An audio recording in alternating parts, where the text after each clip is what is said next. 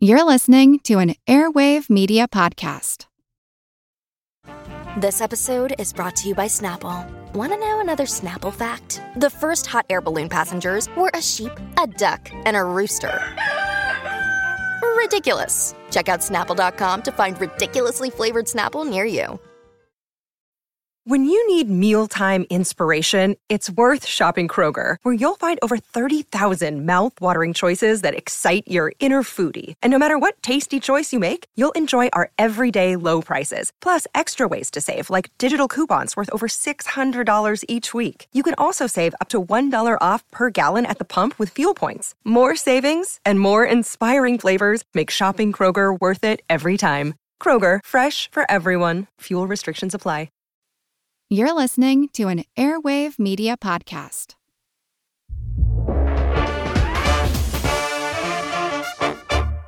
Okay, so most of us need to have great ideas consistently in order to succeed in our job. But where do great ideas come from? And how can you increase your chances of having that great idea right when you need it? I'm Todd Henry, best-selling author and host of the Accidental Creative Podcast. Join me for a weekly conversation with brilliant creative professionals, authors, and leaders about how to thrive in today's marketplace. We discuss everything from managing time and reclaiming focus to discovering what really fuels your best work.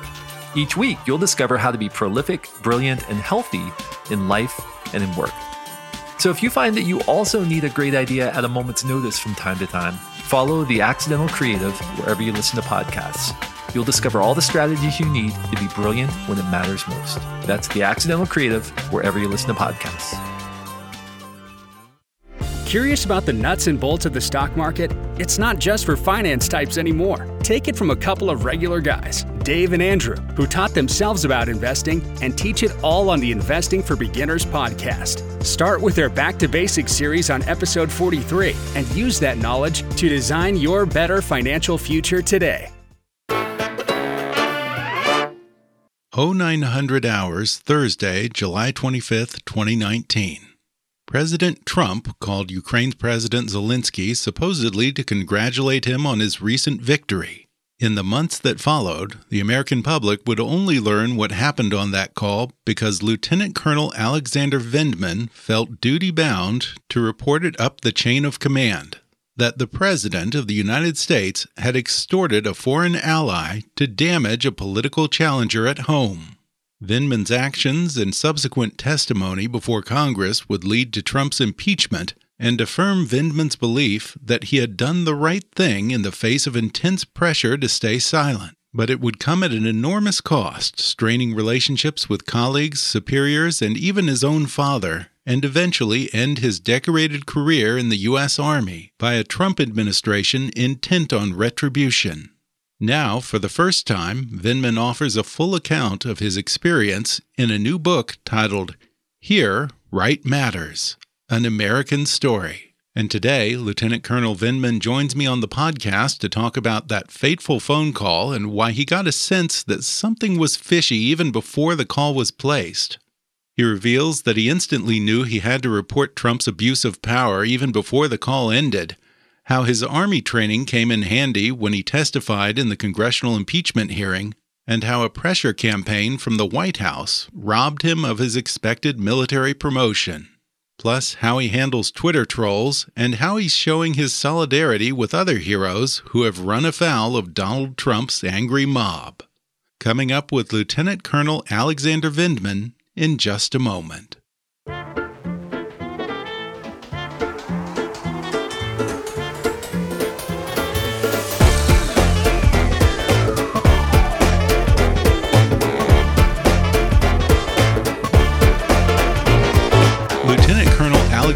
Vindman was most recently the director of Eastern Europe, the Caucasus, and Russia on the White House's National Security Council.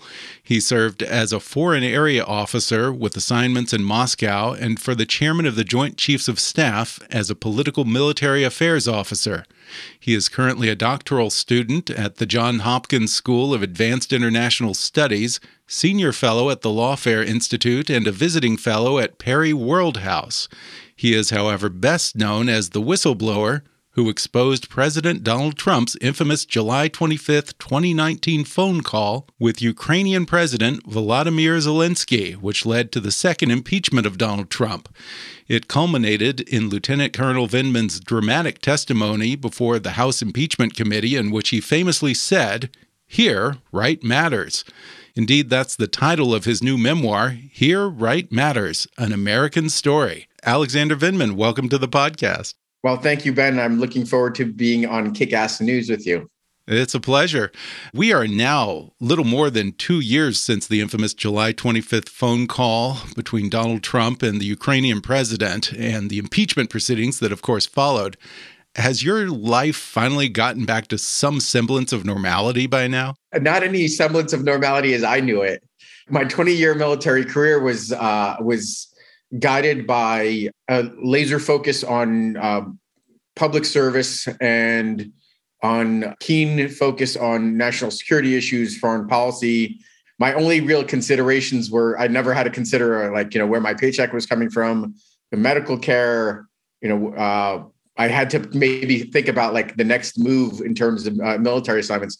That's all kind of gone by the wayside now, and um, I'm d- involved in a bunch of really interesting things, working on a doctorate, uh, a uh, senior fellow at law, the Lawfare Institute, on the board of a non-governmental organization. But it's a kind of a brave new world, trying to figure out what I want to do, and uh, really kind of you know dealing with the after effects of um, of doing my duty, seeking to defend U.S. national security interests.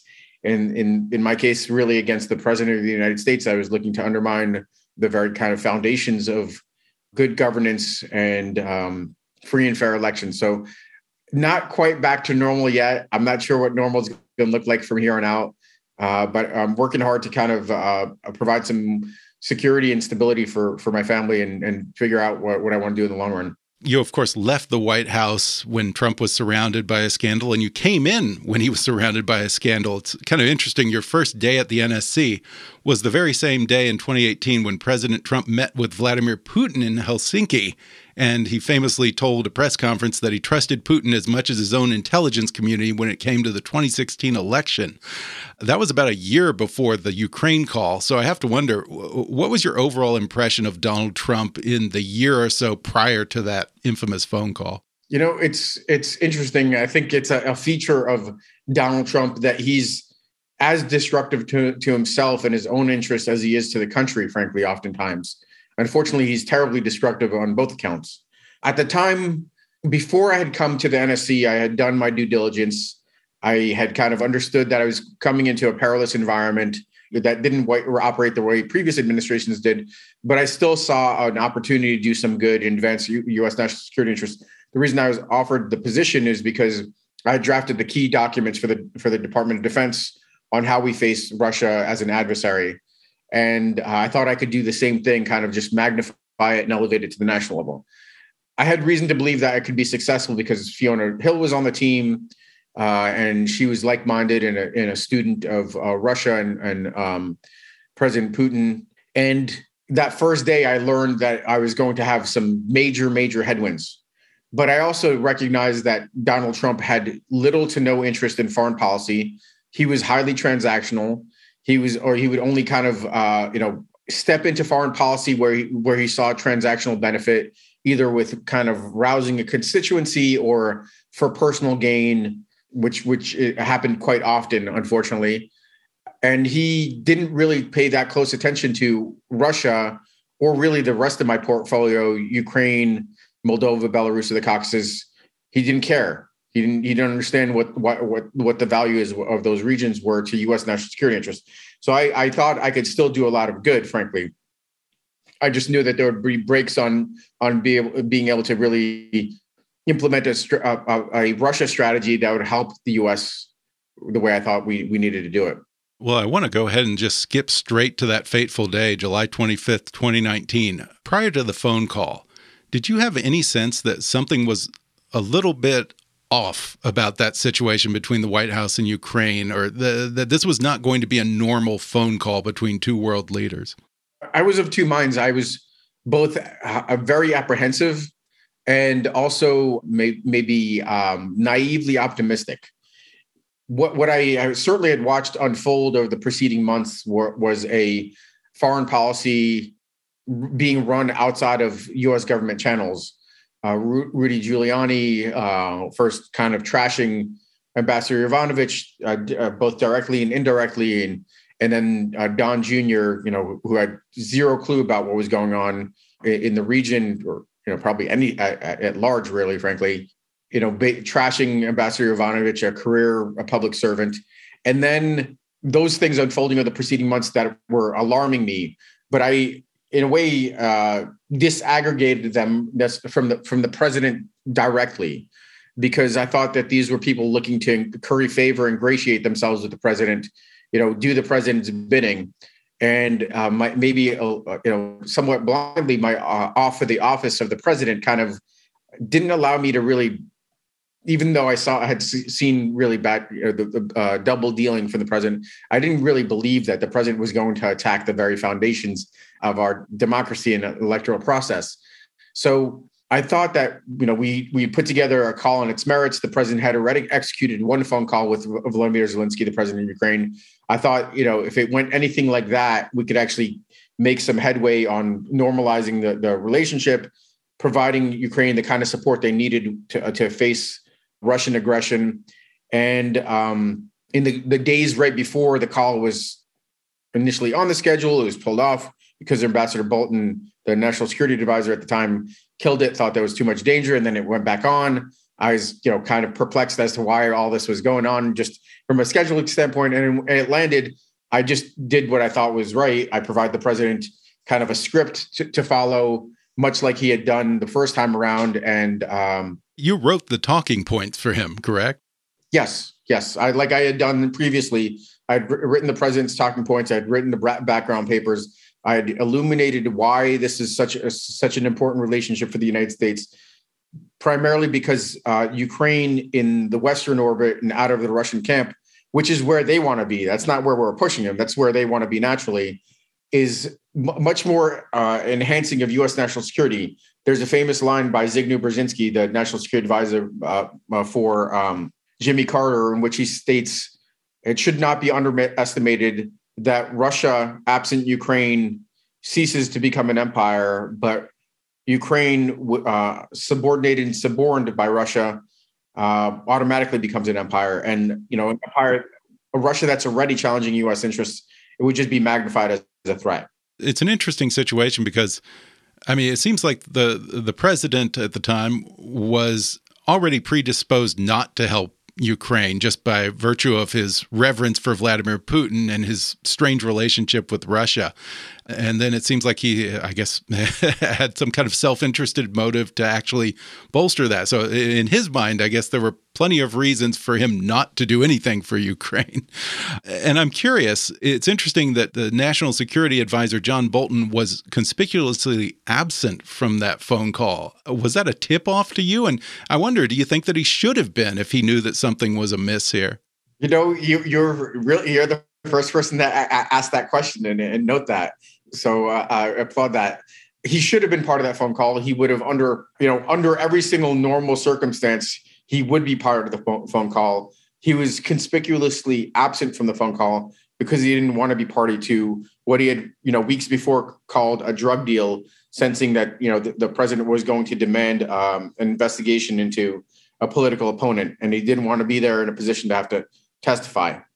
I mean, I don't want to throw you under the bus with Bolton here, but do you feel that knowing what he knew, that you know, it, maybe if you had been in his position, you would have wanted to have been in that meeting to cut the phone cord if you had to, or do do whatever you had to to stop. You know, it's funny. Fiona Hill in that Helsinki uh, press conference joked about like fainting to just kind of upset the whole thing. You know, just kind of pull the pull the plug on it, and you know, you you you would hope that uh, senior leaders in the in the Pentagon to kind of defend U.S. national security, uh, not in the Pentagon, in the White House, uh, would you know do the same thing, jump on the grenade to to defend U.S. national security interests. I think that Bolton had a clear understanding based on his direct interactions with the president, with Mick Mulvaney, with with the senior most uh, leadership, that the president was potentially going to do this and didn't want to be in a position where he would put his kind of his own political life life on the line and have have to be in that that that type of situation. The thing is that you know Bolton's never he's given his account obviously in his book, but he's never really given a full accounting of of the president and the presidential uh, uh, misdeeds. You know, if if there's like a if there was a, a, effort to to hold the Trump administration accountable, there'd be an uh, effort to kind of probably depose Bolton on all the the the, the wrongdoing that he he witnessed firsthand, which is probably well absolutely much broader in scope. And in, in reading the book, you sense that I kind of have some admiration for for John Bolton. Maybe not from the policy standpoint, which I didn't necessarily agree with him on a lot of his policy, but on his kind of just cold competence and uh, a, a, savvy kind of um, political maneuvering. The same way I, I in certain ways, uh, briefly remarked on on Ratcliffe's uh, Representative Ratcliffe's questioning that you know was kind of like a, a capable adversary or something of that nature. Now, as you listened on that call, what were the exact words out of Trump's mouth that were the big red flag for you? Or, or when did you get a sense, okay, this is really something serious, and I, I, I need to be listening very hard and taking good notes here? Yeah, I mean, so the good thing is that like I I'd uh, done these phone calls and I take I uh, had my little my government green notebook and was taking copious notes throughout the whole time. But uh, I I knew immediately when the president got on the line, just the tone suggested that this was going to be this was.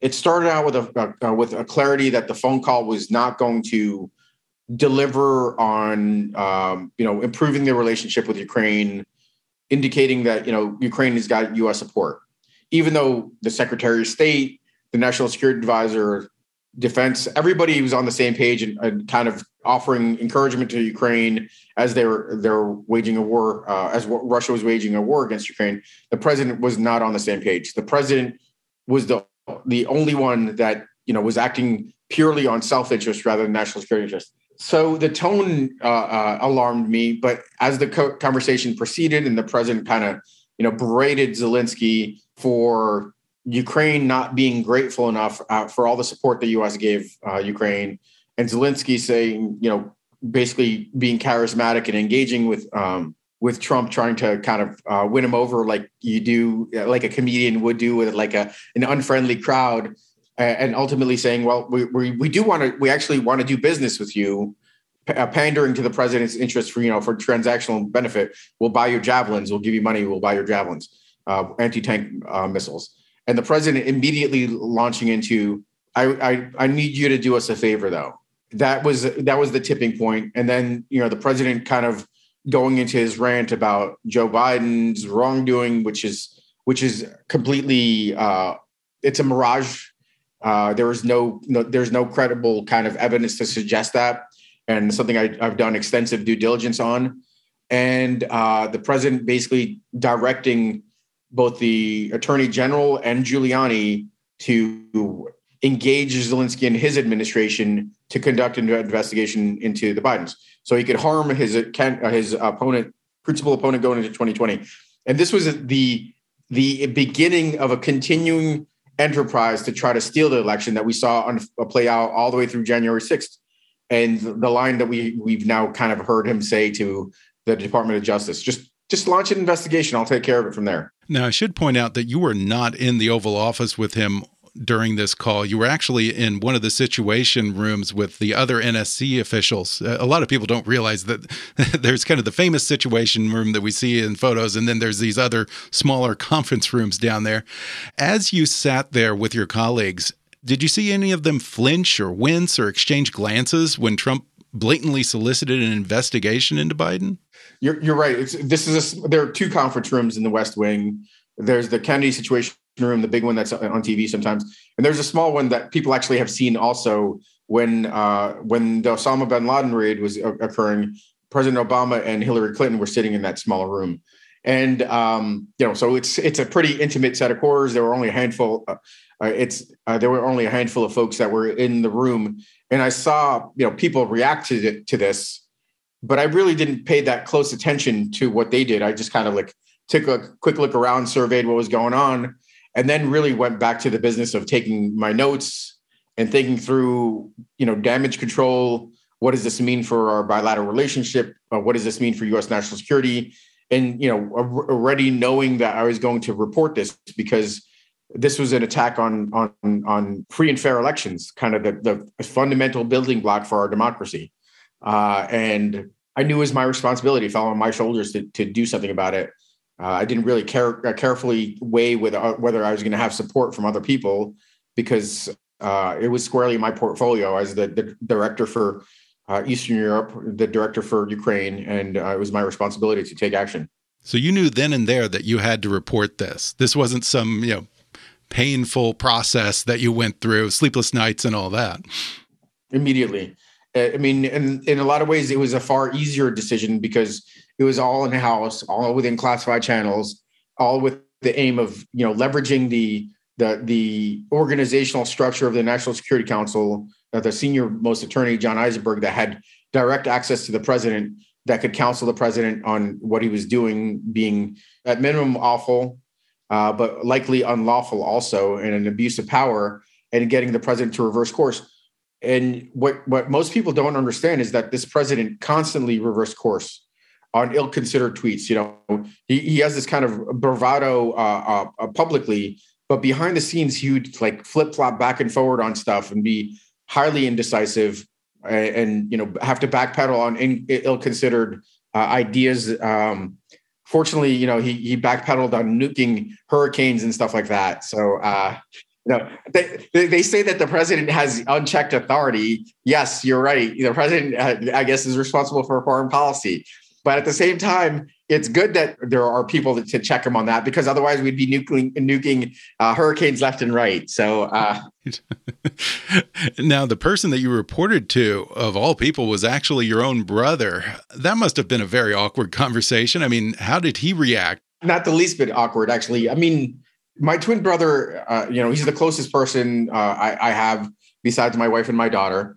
Uh, this is the first time we stay, we're stationed together, but we we are very very close. And I reported to him what I witnessed rather than made the official report as the reporting officer on wrongdoing. And the reason that that's an important class uh, uh, clarification is that I'm not trying to kind of uh, diminish his role, but I had previously reported my concerns to John Eisenberg. That's where I was going back. The reason I wanted to talk to my brother is both because he was the ethics official, but also because I wanted him as a witness to my official report through the chain of command. So like this, there would not be like a he said, she said type of thing where I would have an uncorroborated report or something like that. So uh, and and I, you know, he's my twin brother, so I could I could take every bit of liberty. You, uh, you could see that in the book, you know, where where like I'm we're walking the, down the halls, I quickly glance around, I might punch him or something like that, just for fun. But in this case, I, w- I walked in there, you know, uh, dead serious. Uh, close, his office is right across from mine, uh, and I walked in, closed the door, and I told him, you know, did get a did a bit of a dramatic pause. I made sure I had his attention. And I said, Eugene, if what I'm about to tell you ever becomes public, the president will be impeached.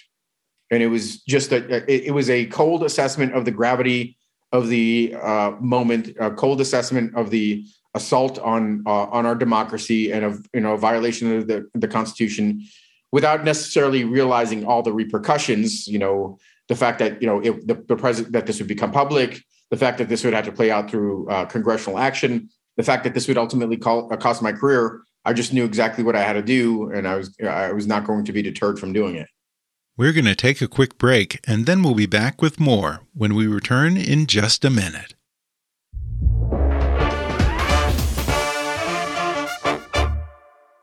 Welcome to the While Black Podcast, a safe space designed by us and especially for us. While Black is here for all the moments.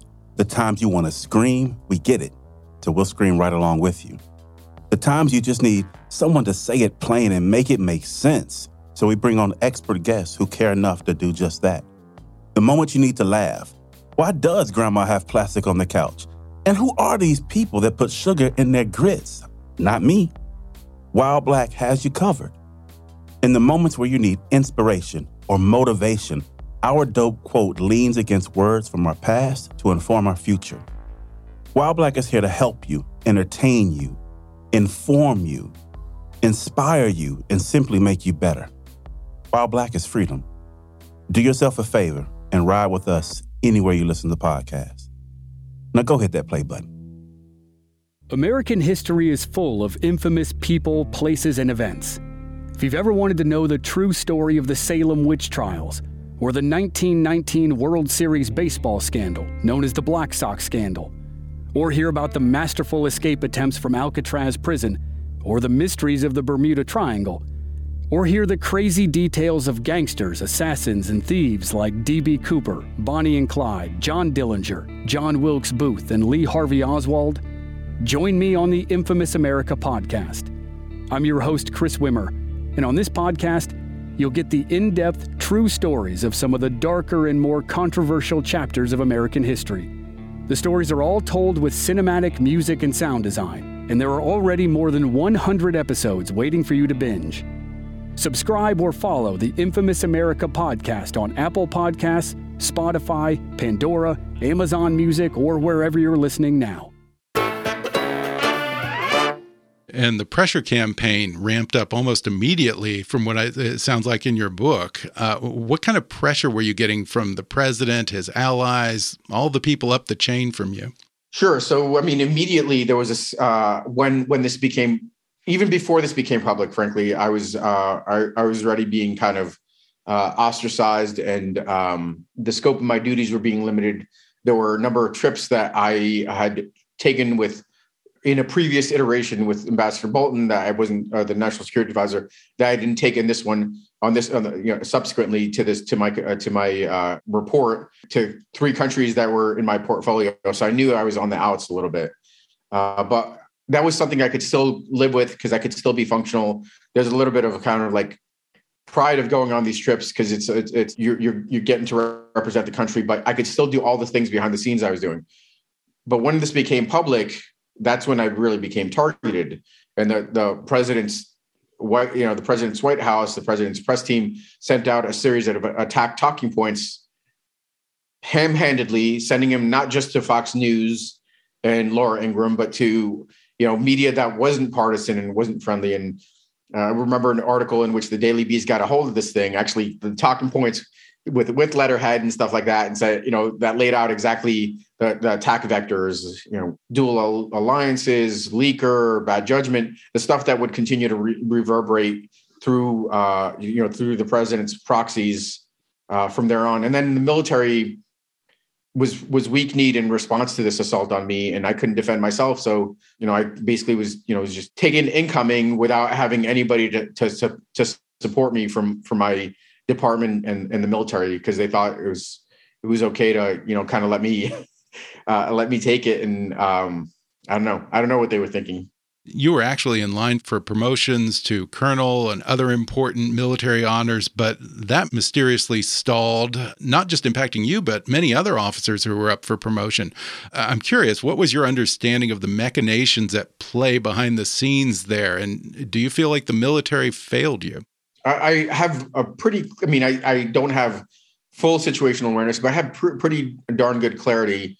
I know that there was a, um, besides the public campaign, there was a campaign to uh, block my promotion.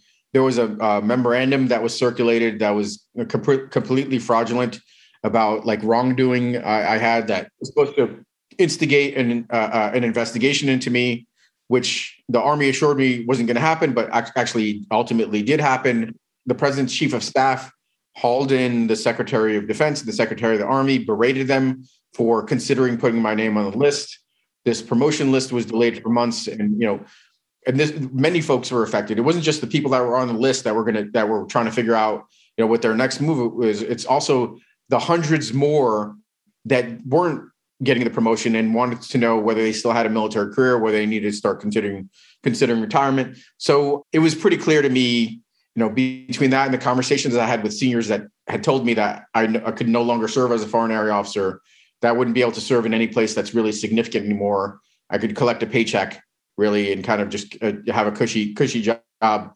And another or some other another senior general that told me that I had flown too close to the sun. I certainly had pissed off you know military officers. I knew I was I was done. And then in the middle of a pandemic, I basically submitted my retirement with some confidence in the fact I'd land on my feet, you know, uh, taking the example of my father starting over repeatedly, but be well positioned because of education and so forth. I, I, I stepped out into the brave unknown, a brave new world.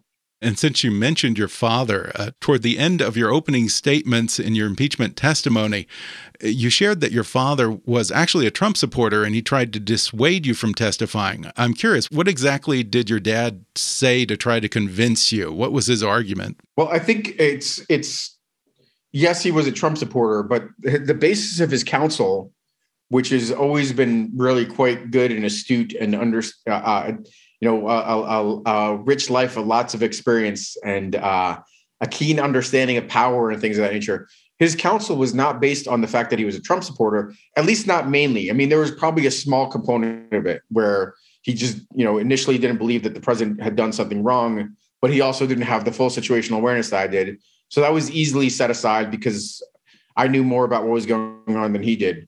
And he would just, you know, he would have to live with when I when I took my actions but his counsel was more on the risks that he perceived to me based on the the understanding of power. He grew up in world war ii he grew up under stalin you know in, in his early years. Uh, and he understood what happens when you go up against power. And he rightly assessed that you know it was, it was going to cost me my career. And I, I think at the time was probably a little bit idealistic thinking that I, by doing the right thing I wasn't going to be penalized by the, the by the military, but that's that's okay. It doesn't doesn't change my perspective on whether I did the right thing or whether doing the right thing is um, uh, doing the right thing in these types of challenging situations does not come with some sort of inherent benefits rewards. It comes with great cost. And the fact is, I could live with my the consequences of my actions. I will move on. Uh, I, am going going to have a second chapter and another career and I, I I could live with that. So I think that's really the most important, one of the most important takeaways. You know, I, I have to wonder for the average American, we've seen movies and TV version of what it's like to testify before Congress in a high stakes proceeding like this, knowing that many on the dais will act entirely out of partisan motivations and try to impugn your credibility. But it has to be impossible for most of us to imagine that kind of pressure. Give us a sense of what it's like to actually be in the hot seat.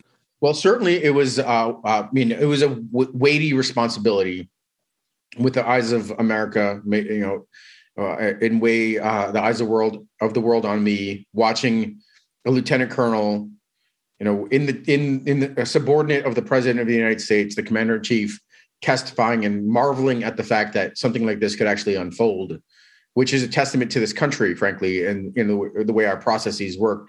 That the president was being held accountable, uh, held accountable for wrongdoing. You know, whether that was immediately then an impeachment and removal, or subsequently the president being revealed as corrupt and the, the electorate in 2020. Uh, so it's it's a pretty phenomenal process that played out that very few places in the world could would would could have witnessed something similar of this nature. Uh, for me, though, I also had the perspective of serving in under great pressure in Russia, uh, where the security services, the entirety of the security apparatus, was kind of arrayed against defense attaches that they thought were, you know, in their in their thinking were spies and things of that nature. And I'd served in combat, and uh, you know, I, I talked about the experiencing loss in the book, and within the big context of things, actually, it was it was a little bit, you know, there was some some anxiety, but it, I was I was very very focused on my job at that point and put everything else out to the side. And in a lot of ways, the public testimony, even though it was uh, under the the bright lights of camera, was probably less stressful than the closed door testimony because I'd never experienced it, anything like that before. So I, I, had one kind of iteration under my belt when I did the the, the public testimony, um, and that's why probably I came across as you know as unflappable.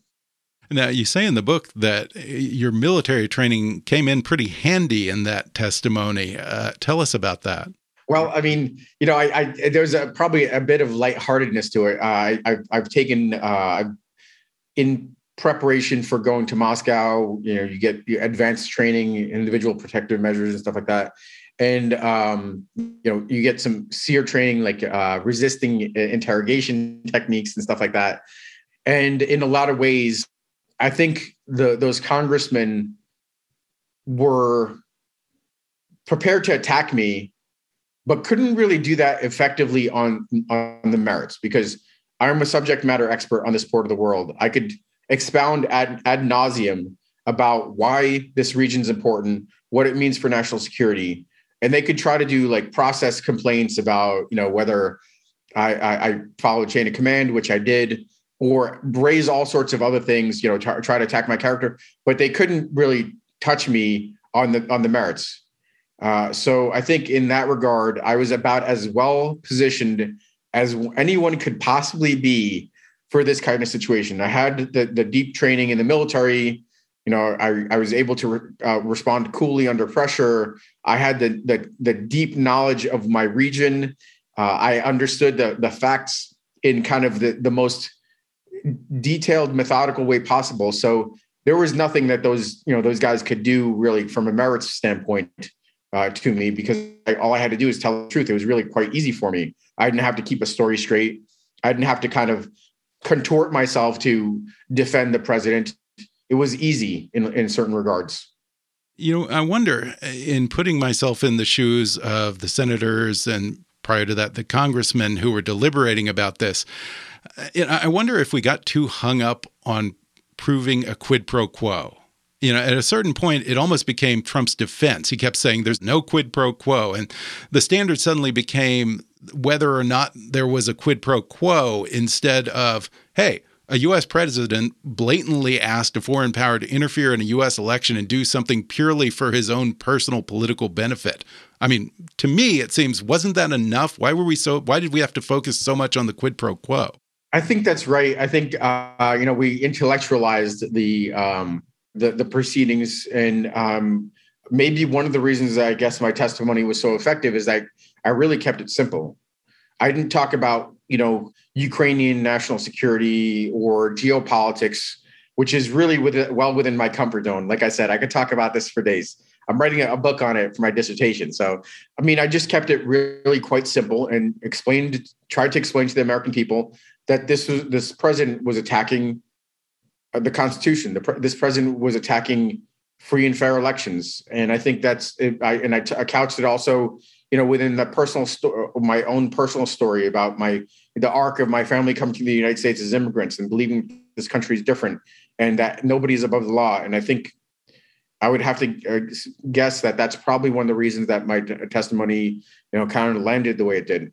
Now, having been through the ringer and been on the receiving end of all this vitriol from the far right and Trump supporters and his allies, it's interesting. I heard that you actually reached out to Capitol Police Officer Harry Dunn since he testified about the racial slurs that were hurled at him during the January 6th Capitol insurrection. What kind of advice did you give him?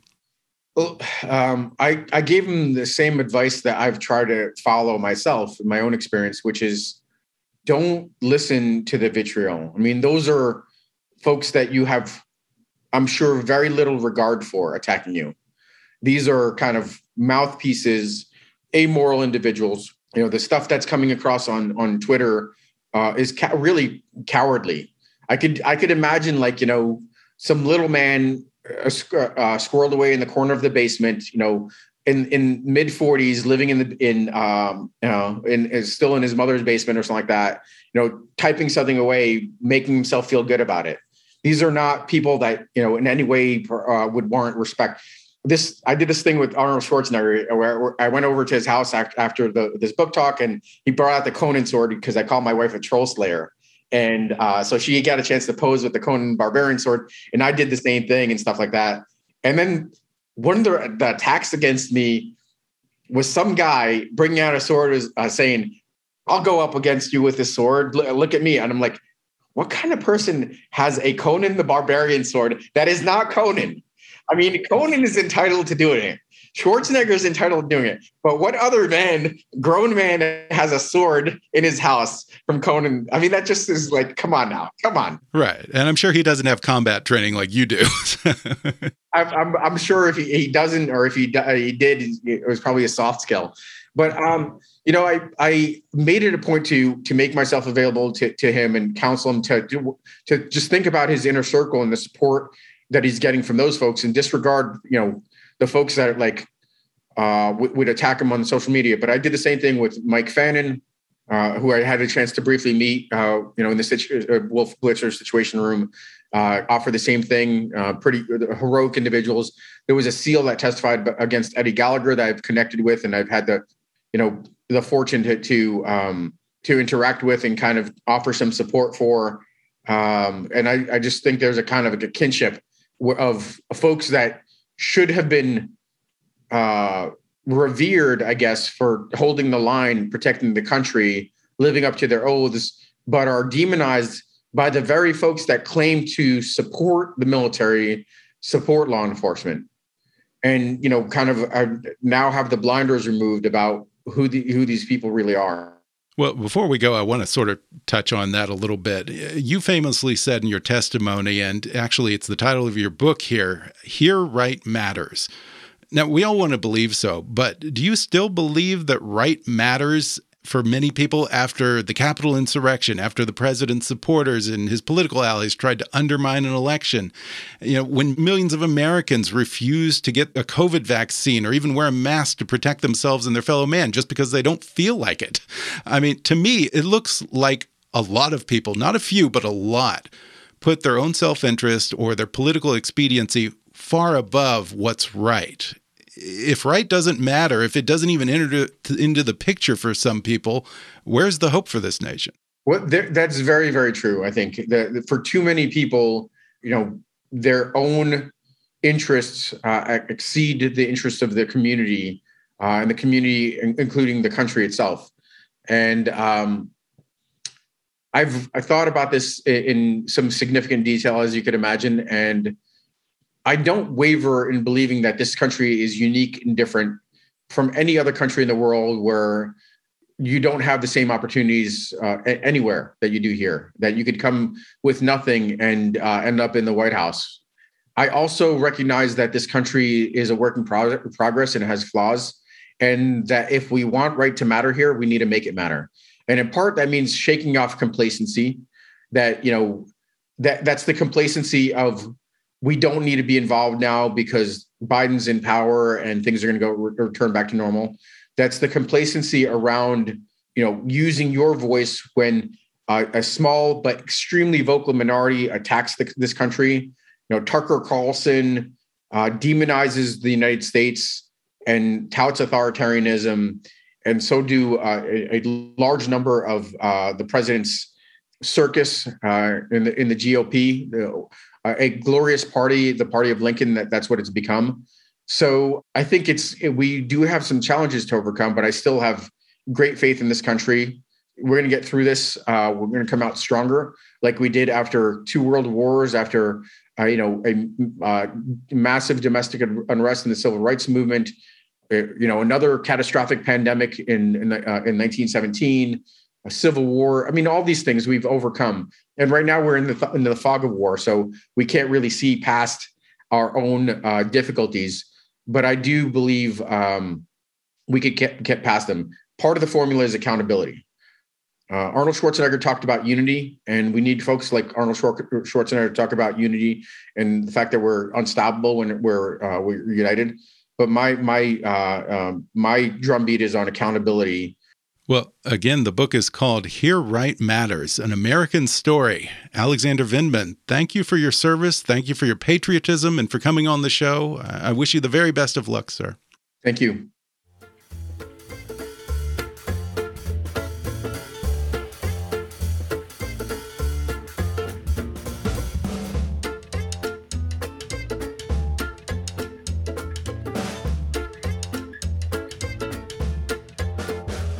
If you enjoyed today's episode, then subscribe and give us a five star rating on Apple Podcasts. Detailed reviews are the best way for new listeners to discover the show.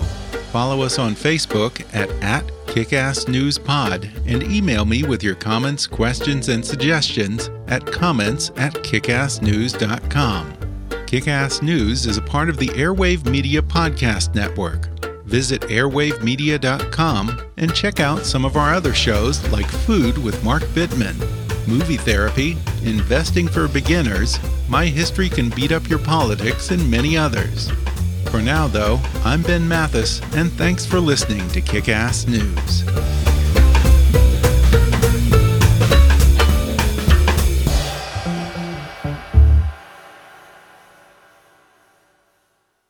An Airwave Media Podcast.